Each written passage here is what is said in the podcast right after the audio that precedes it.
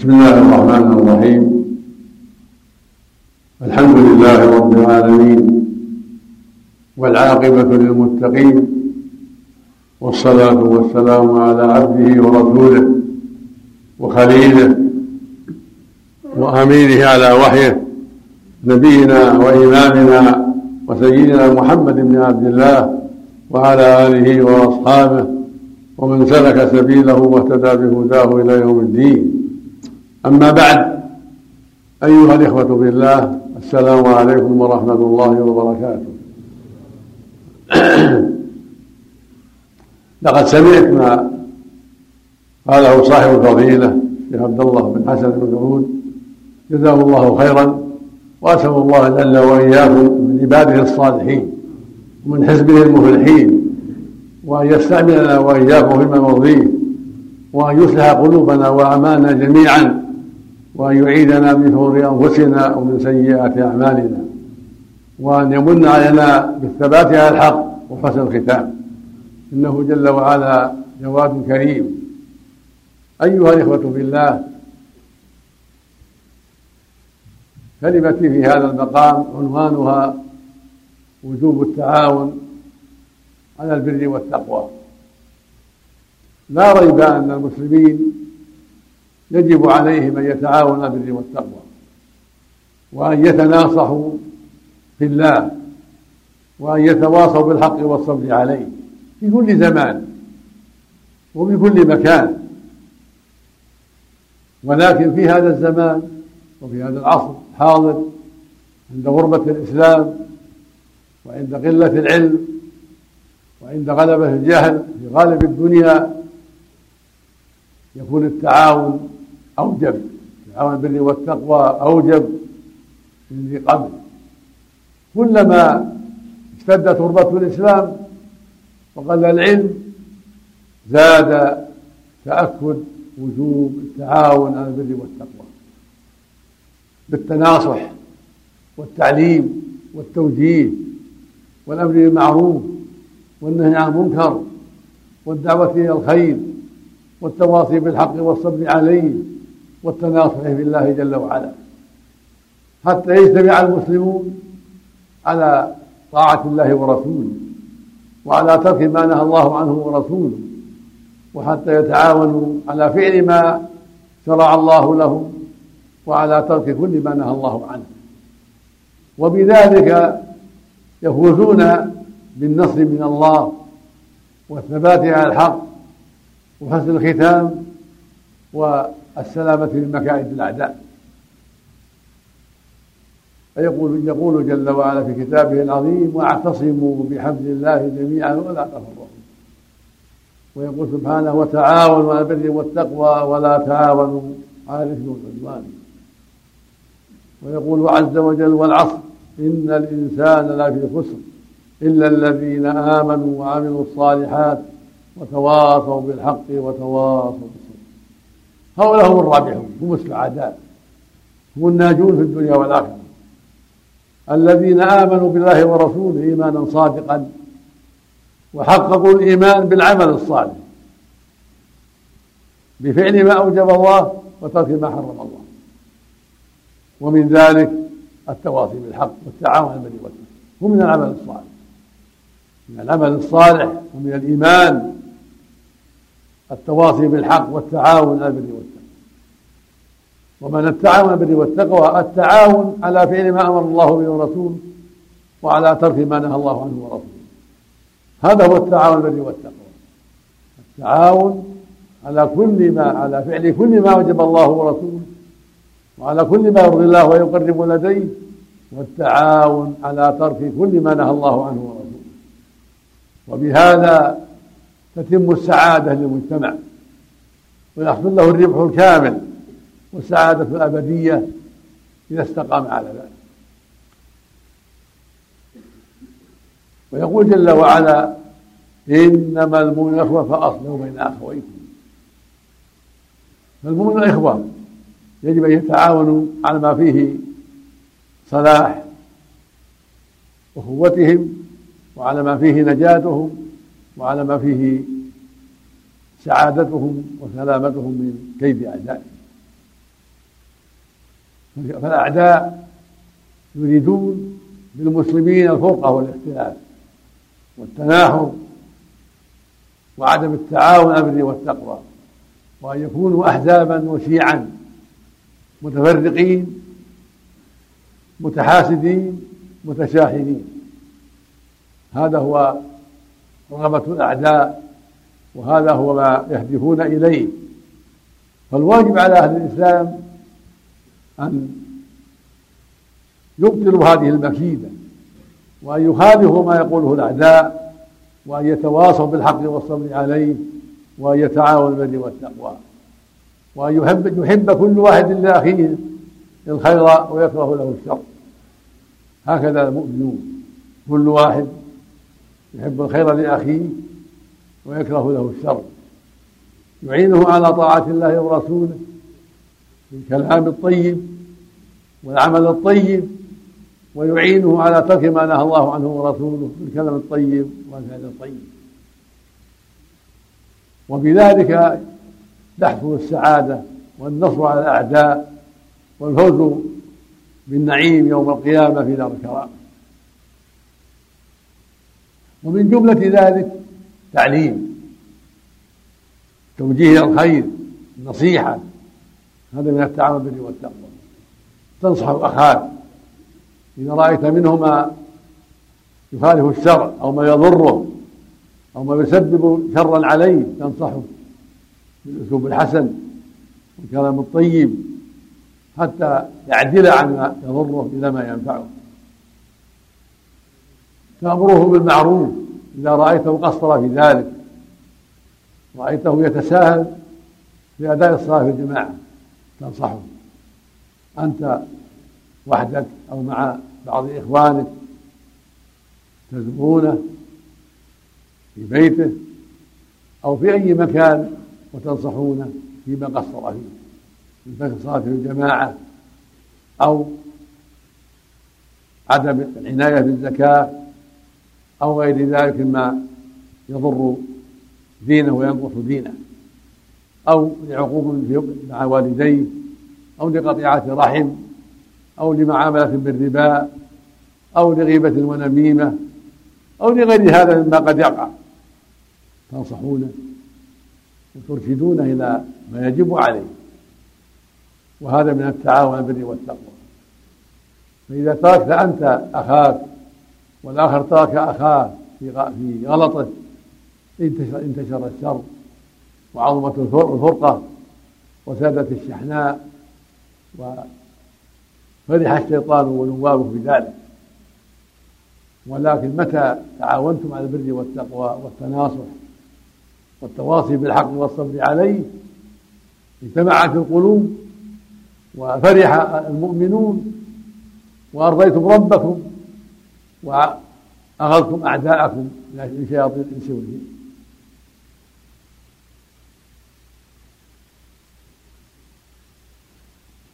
ولا ريب أن المؤمنين ذكورا وإناثا هذا هو واجبهم وهذا هو سبيلهم وهذا هو الطريق المرسوم لهم من جهة ربهم جل وعلا. فيجب عليهم أن يأخذوه وأن يلتزموه.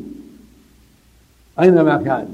تناصح وتواصل بالحق والصبر عليه وتعاون على البر والتقوى بغير غلظة ولا عنف ولكن بالكلام الطيب والأسلوب الحسن والرحمة والعطف.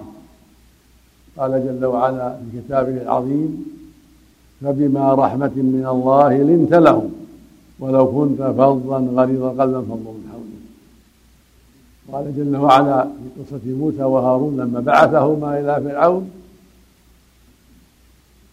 اذهبا إلى فرعون إنه طغى فقولا له قولا لينا لعله يتذكر أو يخشى. ويقول النبي صلى الله عليه وسلم في الحديث الصحيح من يحرم الرفق يحرم الخير كله إن الرفق لا يكون شيء إلا زانه ولا ينزع من شيء إلا كانه ويقول أيضا عليه الصلاة والسلام اللهم من ولي من أمر أمتي شيئا فرفق به فارفق به. اللهم من من ولي من أمر أمتي شيئا فشق عليهم فاشق عليه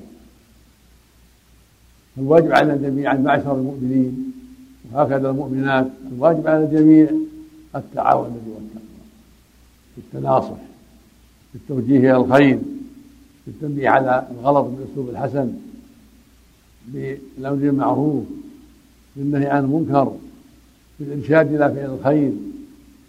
يقول النبي صلى الله عليه وسلم من دل على خير فله مثل أجر فاعل من دل على خير فله مثل أجر فاعل ويقول صلى الله عليه وسلم من دعا إلى هدى كان له من أجر مثل أجور من تبعه.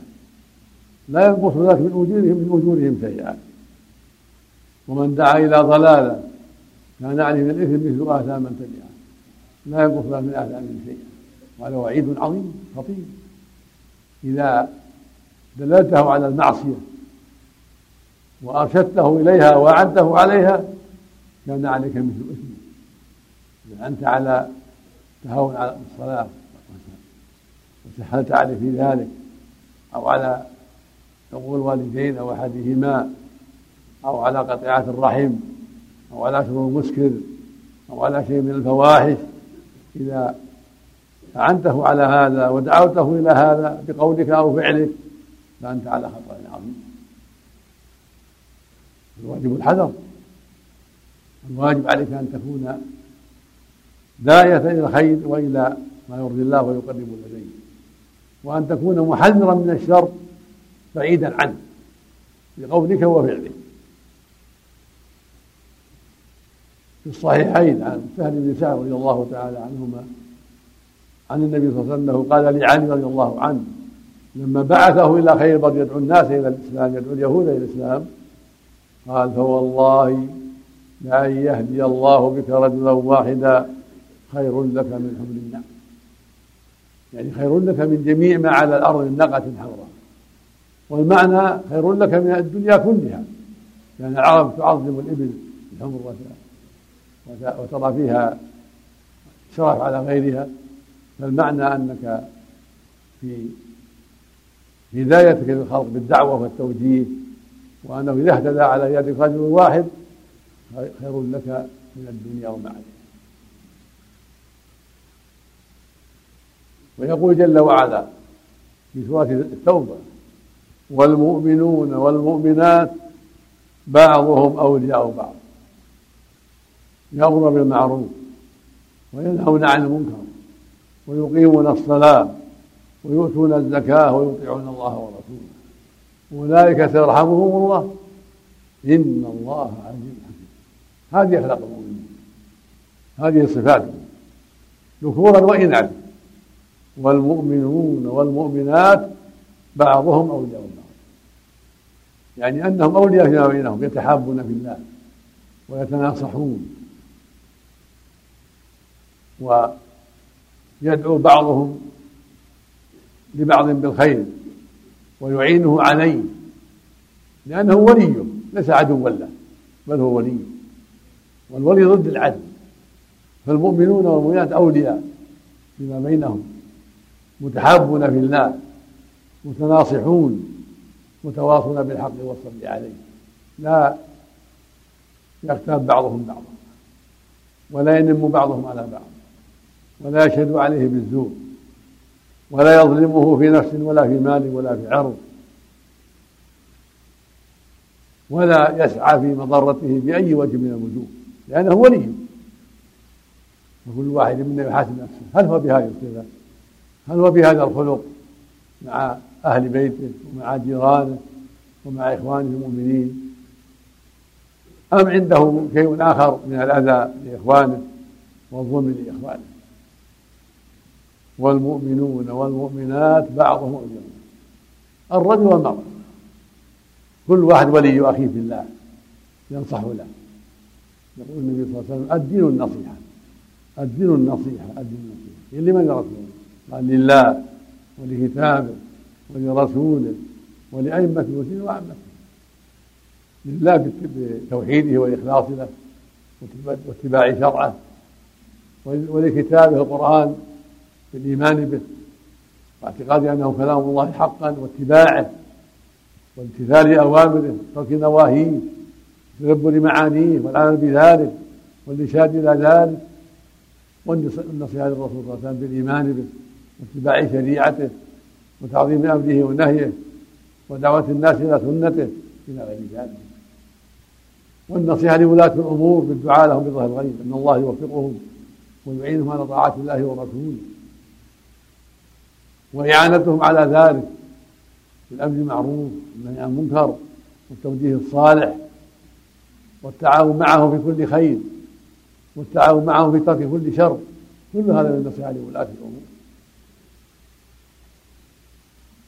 والنصيحة لعامة المسلمين بتوجيههم إلى الخير وتعليمهم ودعوتهم إلى الله وأمرهم بالمعروف والنهي عن المنكر والنصيحة لهم في كل شيء وإقامة الحدود عليهم فيما يقع منهم حتى يستقيموا على الحق وحتى يقفوا عند حدود الشر هذا هو الواجب على المؤمنين بينهم على ولاة أمرهم وعليهم ما بينهم. والمؤمنون والمؤمنات بعضهم أولياء. بعض فإذا ضربت أخاك بغيبة أو نميمة أو سب أو خيانة أو سرقة أو غش في المعاملة فقد أخللت بهذا الواجب واجب الولاية بينك وبين أخيك. ما جعلته وليا عاملته معاملة العدو بخيانتك أو ظلمك له أو غشك له أو سبك إياه بغير حق إلى غير ذلك والمؤمنون والمؤمنات بعضهم أولياء بعض. ويقول النبي صلى الله عليه وسلم المؤمن للمؤمن كالبنيان يشد بعضه بعضا وشبك بين أصحابه هكذا المؤمن مع أخيه يعينه على الخير يرفده لا حتى لا يسقط في الباطل يعينه. يساعده على كل خير وعلى وعلى ترك كل شر. والمؤمنة كذلك مع أخواتها في الله. ومع إخوانها في الله الرجل الرجل والمرأة كل منهما عليه التعاون مع الآخر في طاعة الله ورسوله. لأنهم أولياء والأولياء يتعاونون على البر والتقوى ويتناصحون ولا يضر بعضهم بعضا ولا يؤذي بعضهم بعضا. ويقول النبي صلى الله عليه وسلم مثل المؤمنين في توادهم وتراحمهم وتعاطفهم كمثل الجسد. إذا اشتكى منه عضو تداعى له سائر الجسد بالسهر والحمى هكذا المؤمنون مثل جسد واحد. إذا اشتكى الإنسان عينه أو رجله أو رأسه أو يده تداعى له بقية الجسد. تعلم وتعب تبعه التعب. هكذا المؤمنون. يعلم بعضهم لبعض. إذا تألم بعضهم ألم الآخر إذا سر سر المؤمن سر أخاه سر أخوه بذلك أيضا لأنهم أولياء يفرحون لما يسرهم ويحزنون لما يضرهم كل واحد يفرح لأخيه بالخير ويسوءه ويصيبه شر.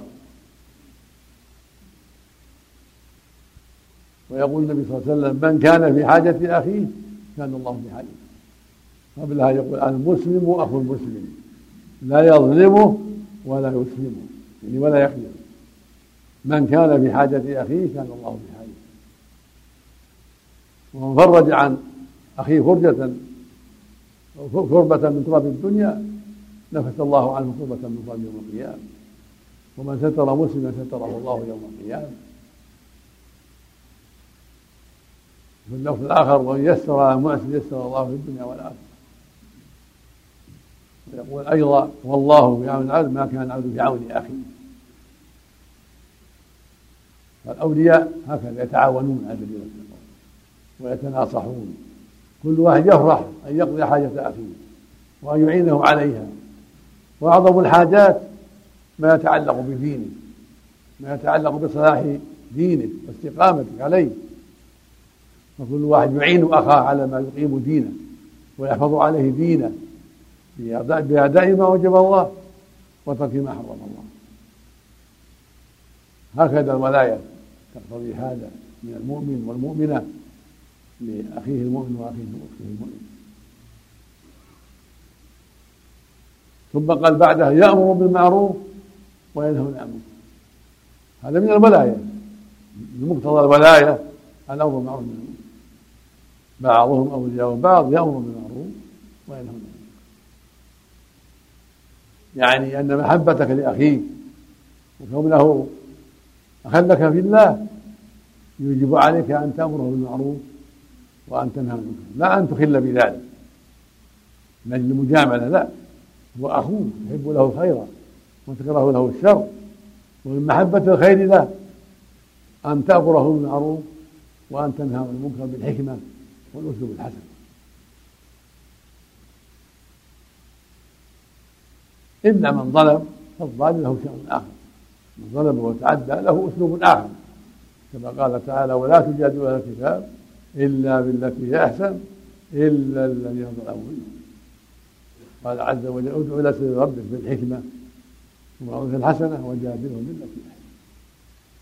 قال تعالى وقولوا للناس حسنا الجدال بالتي أحسن المخاطبه بالتي أحسن مفتاح لقبول الحق. وسبب للهداية وسبب للتراحم والتعاطف والتعاون البر والتقوى والغيظة والجفاء والشدة من أسباب التنافر والبعد والشحنة والعداوة.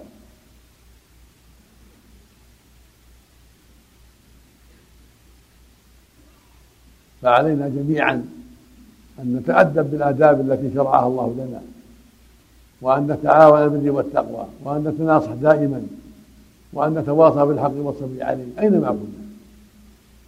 لا بد من صبر. تواصي بالحق تواصي بالصبر لا بد منه.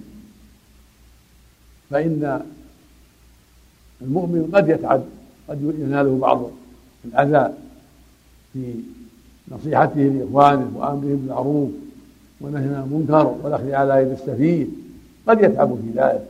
لكن لابد من صبر. والواجب أيضا الحذر من إيذاء اخيك المؤمن واختك المؤمن. لأن هذا ضد النصح ضد الولاية. ولهذا يقول سبحانه والذين يؤذون المؤمنين والمؤمنات بغير ما اكتسبوا وقد احتملوا بهتانا مبينا. المؤمن يحرص على نفع أخيه وعدم الأذى. يهمه كثيرا أن يقبل منه أخوه الحق. وأن يهتدي على يديه وأن يدع ما حرم الله عليه وأن يمتثل ما أمر الله به وأن يتقبل من أخيه إرشاده ونصحه.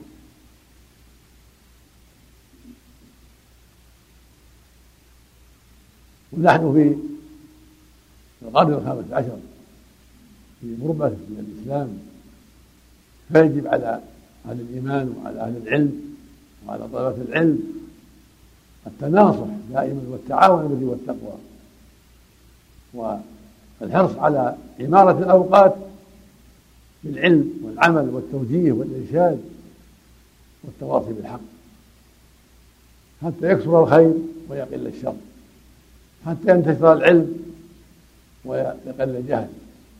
حتى تصلح القلوب وتلين وتقبل على الحق بدلا من الجفا والشحنة والغفلة.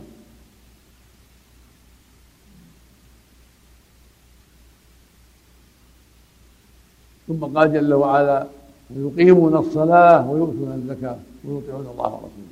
هذه من صفاتهم العظيمة المؤمنين والمؤمنات. يقيمون الصلاة كما أمر الله ويحافظون عليها كما أمر الله في جميع الأوقات الخمسة لا يتساهلون بها لأن عمود الإسلام لا بد من التواصي بهذا العمود العظيم. لا بد من التواصي به وأدائه كاملا في الأوقات الخمسة. الرجل يؤديها مع الجماعة والمرأة تؤديها في بيتها بكل إخلاص وعناية وصدق وإقبال على هذه الصلاة في عمود الإسلام. من حفظها حفظ دينه ومن ضيعها هو لما سواها أضيع. ومن التعاون بالبر والتقوى التناصر في هذا الأمر مع إخوانك وجيرانك وغيرهم والعناية بذلك مع أهل بيتك وأولادك حتى يقيموا هذه الصلاة كما أمر الله حتى يؤدوها كما أمر الله.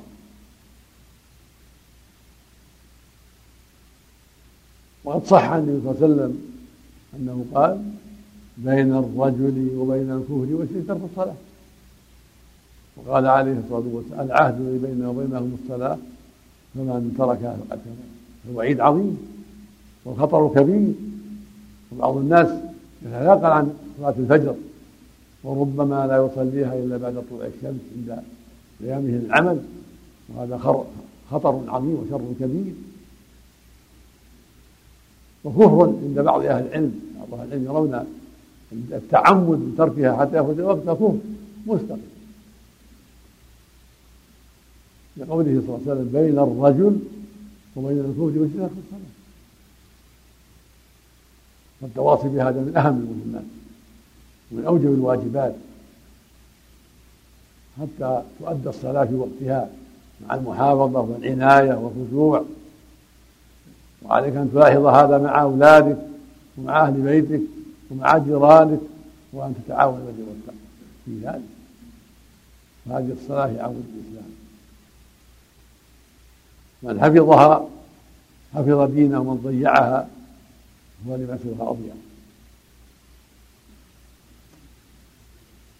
وجاء عن عمر رضي الله عنه من المؤمنين أنه كان يكتب إلى أمرائه إلى عماله يقول لهم إن أهم أمركم عند الصلاة.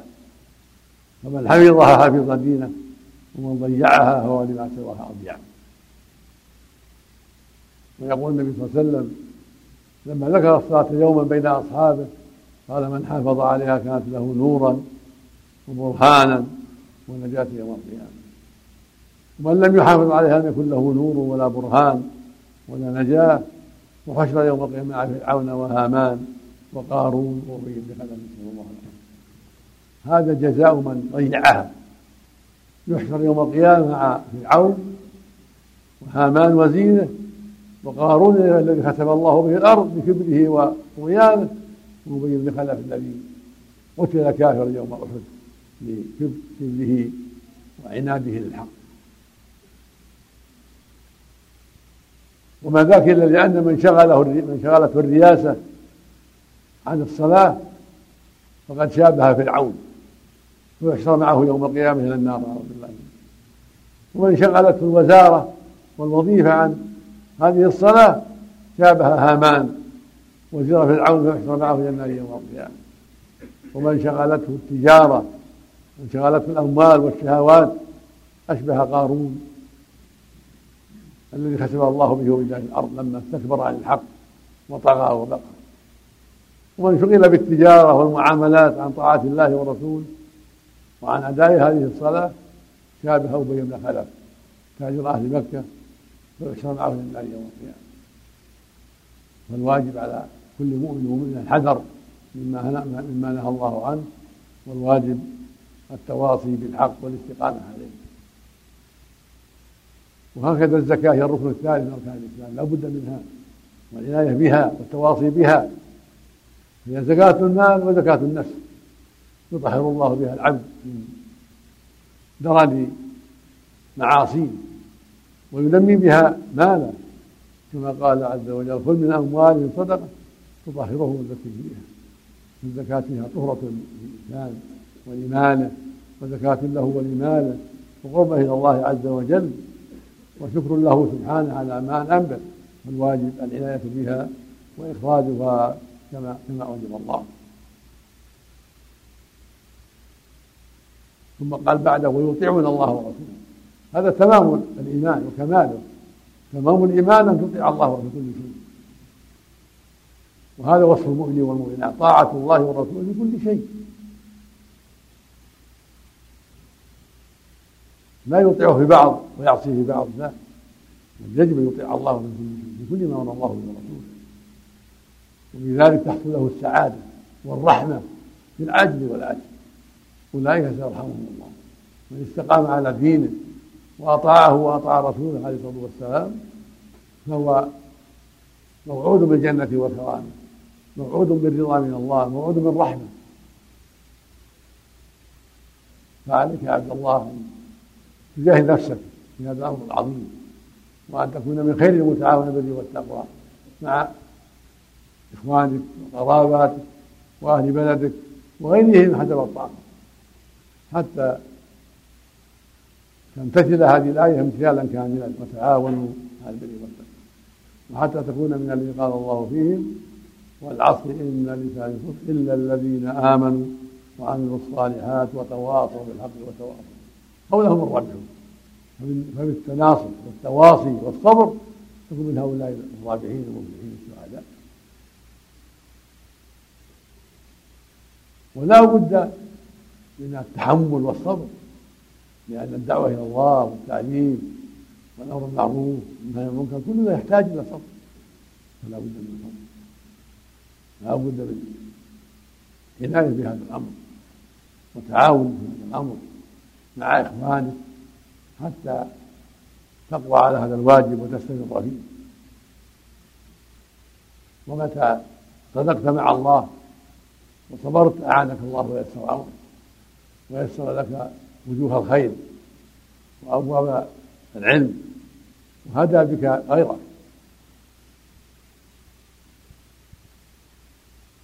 يقول سبحانه في آية أخرى وإن تصبروا وتتقوا لا يضركم كيدهم شيئا كيد الأعداء وبالصبر واليقين والاستقامة.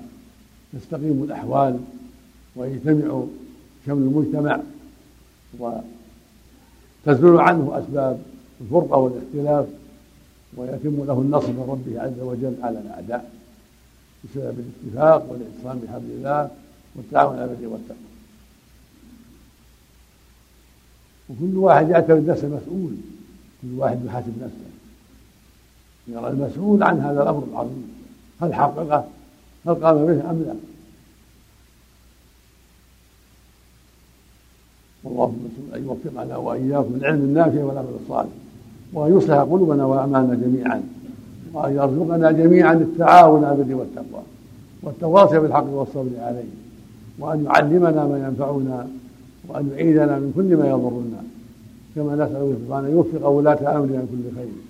وأن يعينهم على كل خير وأن يصلح لهم بطانة وينصر بهم الحق ويخذل لهم الباطل وأن يوفق جميع المسلمين في هذه المملكة وفي كل مكان لكل ما يرضيه. نسأل الله يوفق المسلمين لما يرضيه أينما كانوا وأن يولي عليهم أخيارهم وأن يصلح قادتهم وأن يمنحهم فقه في الدين. إنه جل وعلا جواد كريم. وصلى الله وسلم على نبينا محمد وعلى آله وأصحابه وأتباعه. أجمعين